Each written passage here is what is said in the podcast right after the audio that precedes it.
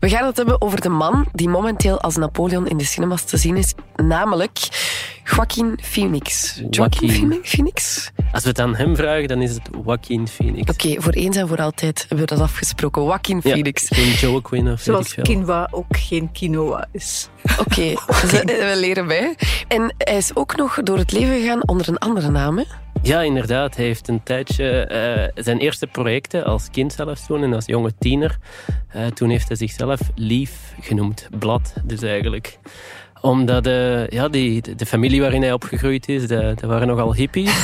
Het was een gezin met vijf kinderen. Hij had drie zussen en zij heten Summer, Rain en Liberty. Zijn broer heet River.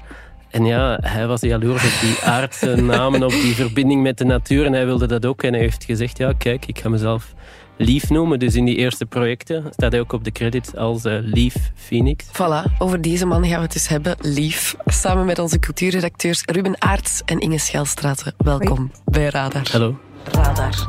Radar. Je wekelijkse cultuurpodcast.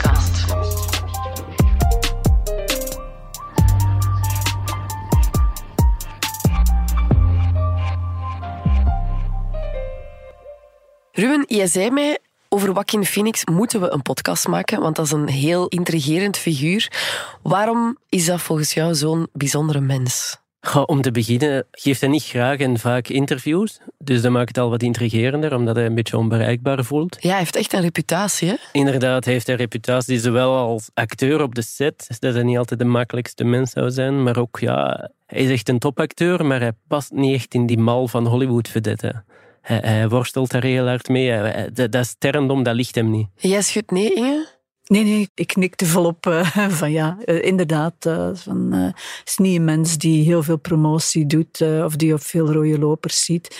En als die er dan wel staat, zoals in het jaar dat hij genomineerd was voor de Joker bij Alles en nog wat, maakt hij daar dan gebruik van om zijn prijzen in ontvangst te nemen met een speech over klimaatverandering of over dierenwelzijn, wat hem zeer na aan het hart ligt, of over de, de diversiteit en inclusiviteit op filmsets en Ja. zo. eh. Um, I think the greatest gift that it's given me, and many of us in this room, is the opportunity to use our voice for the voiceless.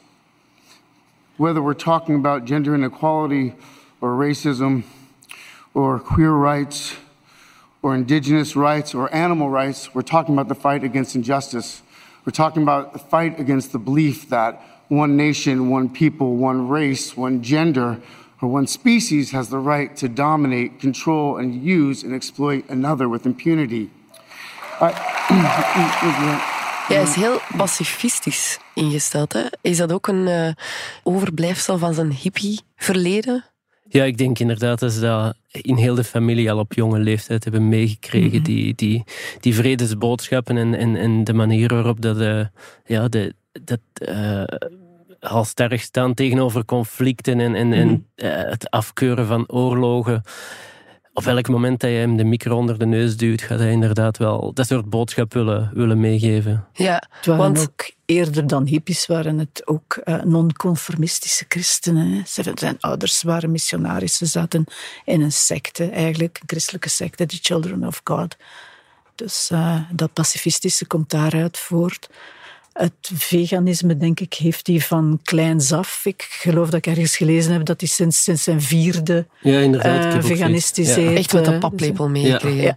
de afkeer van vlees. En op dat vlak zitten ze allemaal op één lijn. Het is ook echt een familie van, van creatievelingen, van acteurs, van ja, eh, mensen die in de muziek van alles hebben gedaan. Op, op een bepaald punt hebben ze allemaal wel geacteerd. En hoe is dat begonnen? Want dat is nog wel een grappige anekdote, nee? Ja, het ding is eigenlijk, met die secte hebben ze een tijdje nomadisch geleefd. En op een bepaald moment hebben ze zich dan in Californië gevestigd. Eh, Zijn moeder werkte bij NBC. Ja. En zo is hij in contact gekomen met een agent. Eh, De vader zat toen thuis ook, ik dacht, met, met een rugprobleem of iets dergelijks. En dan hebben ze die kinderen wel laten acteren om ook een beetje geld in het laadje te brengen. Maar dat was wel onder voorwaarden. Ten eerste wilden ze een agent die enkel alle vijf de kinderen uit de samen nam. En Ah, ten tweede, ze wilden ook geen reclame maken voor pakweg Coca-Cola of McDonald's. Nee, ze wilden echt iets dat in de lijn lag van hun overtuigingen. En dus ze wilden pakweg reclame maken voor, voor fietsen of zo van die dingen, maar niet voor die grote commerciële eh, spelers. Daar, daar, daar wilden ze niet aan meewerken. Dus ja, ze maakten het zichzelf wel... Ze waren principieel, maar ze maakten zich niet gemakkelijk. Zeker ja, niet. En, en dat klinkt ook allemaal wel heel erg eh, vrij en vrolijk en, en correct van opvatting. Maar je moet eigenlijk ook denken van die kinderen zijn te acteren ingeduwd omdat ze geld nodig hadden. Ja. Eh, die vader was niet alleen ziek, die heeft ook denk ik lang geworsteld met alcohol. Oké, dat is Ah, ja. Eh, dus, eh, en, en ja, in hoeverre kun je zeggen dat, dat een, een jong kind eigenlijk zin had om te acteren?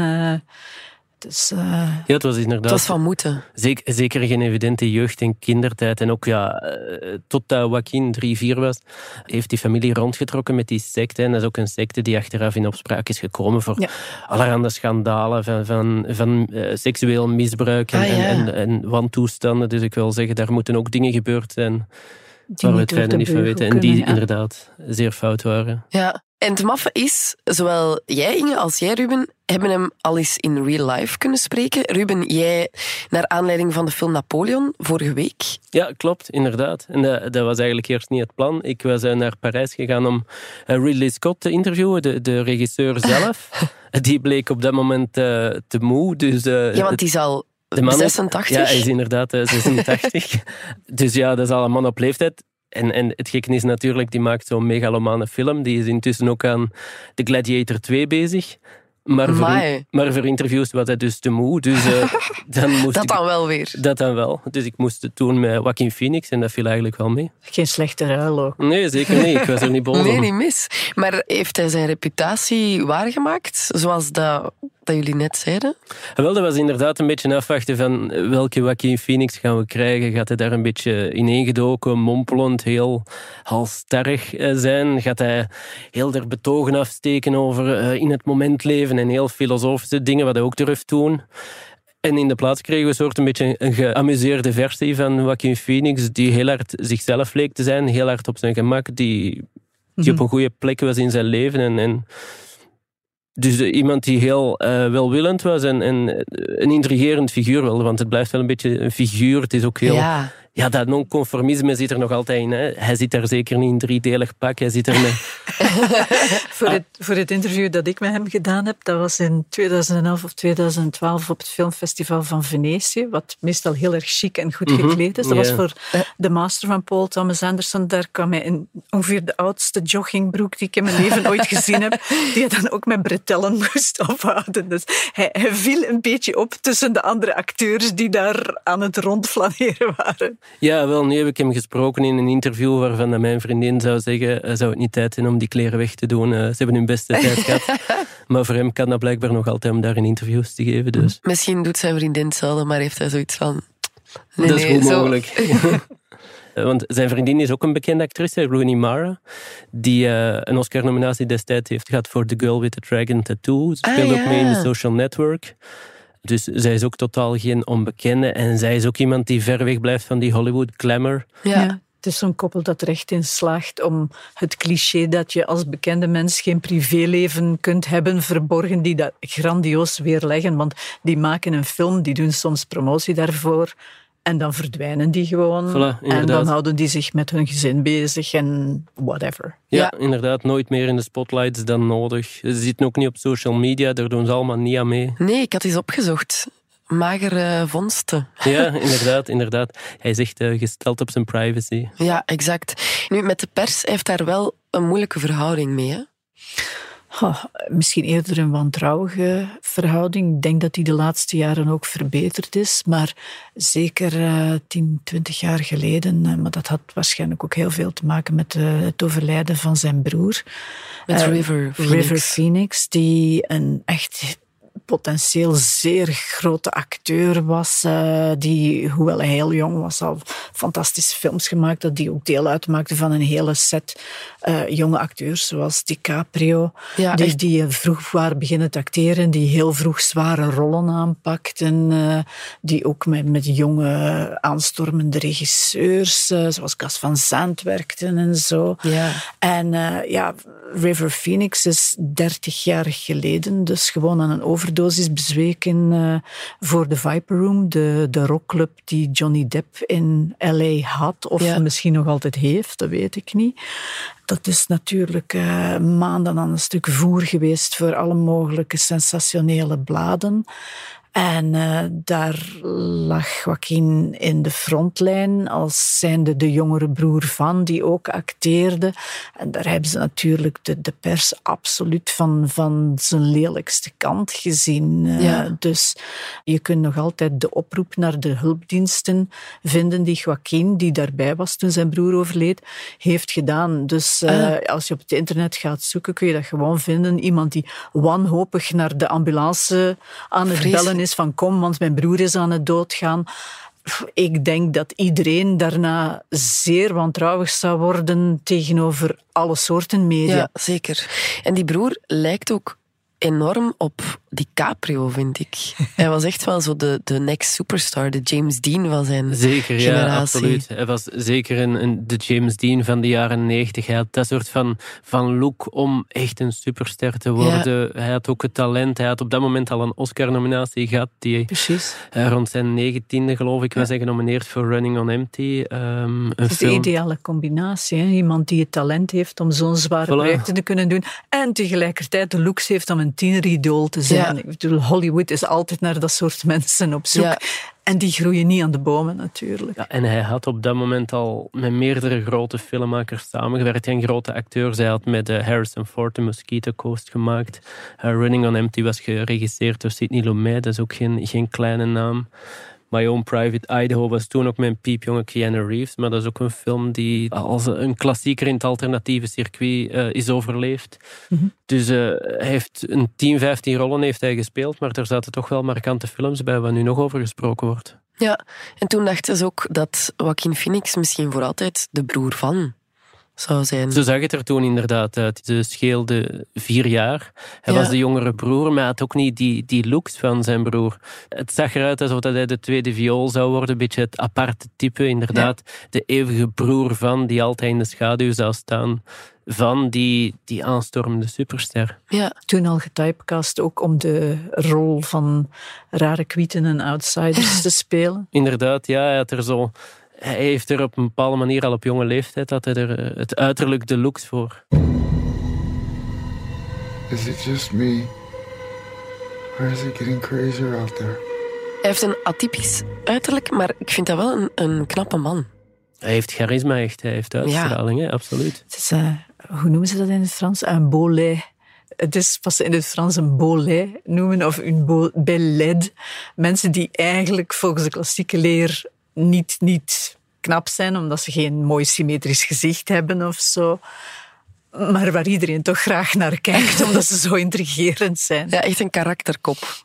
Ja, bij hem heb je die lip natuurlijk. Ja, ja en dan schrijft de New York Times uh, artikels over jou met de kop als uh, His talent is his face and the weird brilliance of Joaquin Phoenix. Omdat het inderdaad rond dat aparte uiterlijk altijd draait. Hè, die, ja. die vreemde aantrek die hij heeft. Ja. Hij kiest ook wel heel specifiek voor bepaalde projecten. Hè?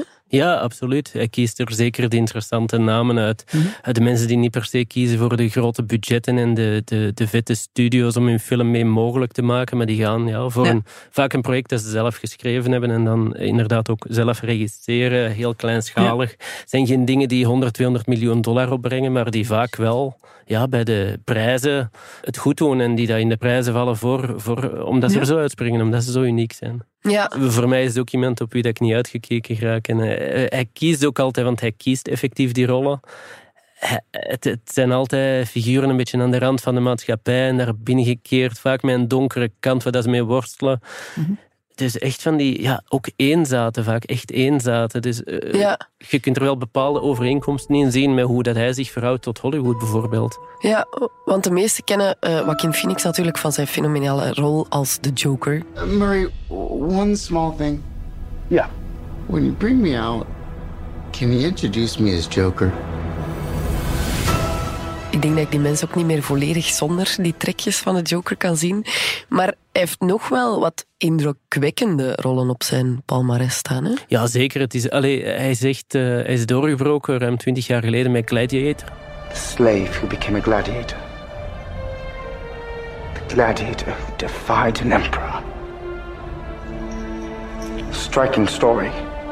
Dat was uiteraard ook, eh, dat was ook een film van Ridley Scott, de man met wie hij nu opnieuw samenwerkt. Ja. En een paar jaar later was er natuurlijk eh, Walk the Line als Ja, Johnny, Johnny Cash. Ja. Tegenover eh, Reese Witherspoon, die er dan een Oscar voor gewonnen heeft. Dus op dat moment heeft het grote publiek hem toch op, op korte tijd in, in, in twee films kunnen aan het werk zien en kunnen zien hoe, hoe breed het hij kan gaan. Ja, ja, een ontzettend brede range. En ook vooraf, ik, eh, ik was in eerste instantie muziekrecensent, dacht ik van, goh, wie gaat er nu Johnny Cash spelen? Joaquin Phoenix, kan dat? We come down here, we play for a minute, and he tells me I don't believe in God. You know exactly what I'm telling you. We've already heard that song a hundred times. Well, he didn't let us bring it home. Bring it home. All right, let's bring it home. Ja, inderdaad. Joaquin Phoenix heeft een heel instinctieve aanpak. Hij is ook vaak onvoorspelbaar op de set. En de film eh, You Were Never Really Here van Lynn Ramsey is daar een goed voorbeeld van, waarin dat hij een huurmoordenaar speelt die een eh, jong kind probeert te redden uit de prostitutie. Maar het intrigerende daarvan was ook van, qua voorbereiding, daar doet hij liever niet te veel aan mee. Hij vertrouwt liever op die instincten. En Lynn Ramsey, de, de filmmaakster, had hem toen ook niet veel gegeven om zich vooraf voor te bereiden. Ze had gewoon een audiofile gestuurd van het, eh, van het vuurwerk eh, van de 4th of July. En had gezegd, kijk, dit is wat er zich afspeelt in het hoofd van de man die jij gaat spelen. en voor hem was dat genoeg. Daar kon hij het mee doen, dat vuurwerk. Dat was eh, genoeg om vertrokken te ruiken. Want je hebt hem ook gesproken over hoe dat hij zich op zijn rollen voorbereidt. Hè? Ja, voilà, inderdaad. Eh, We hebben daar ook specifiek naar gevraagd van, van Napoleon. Hoe heb je dat gedaan? Want er, er is heel veel materiaal. Je kunt u daar enorm over inlezen.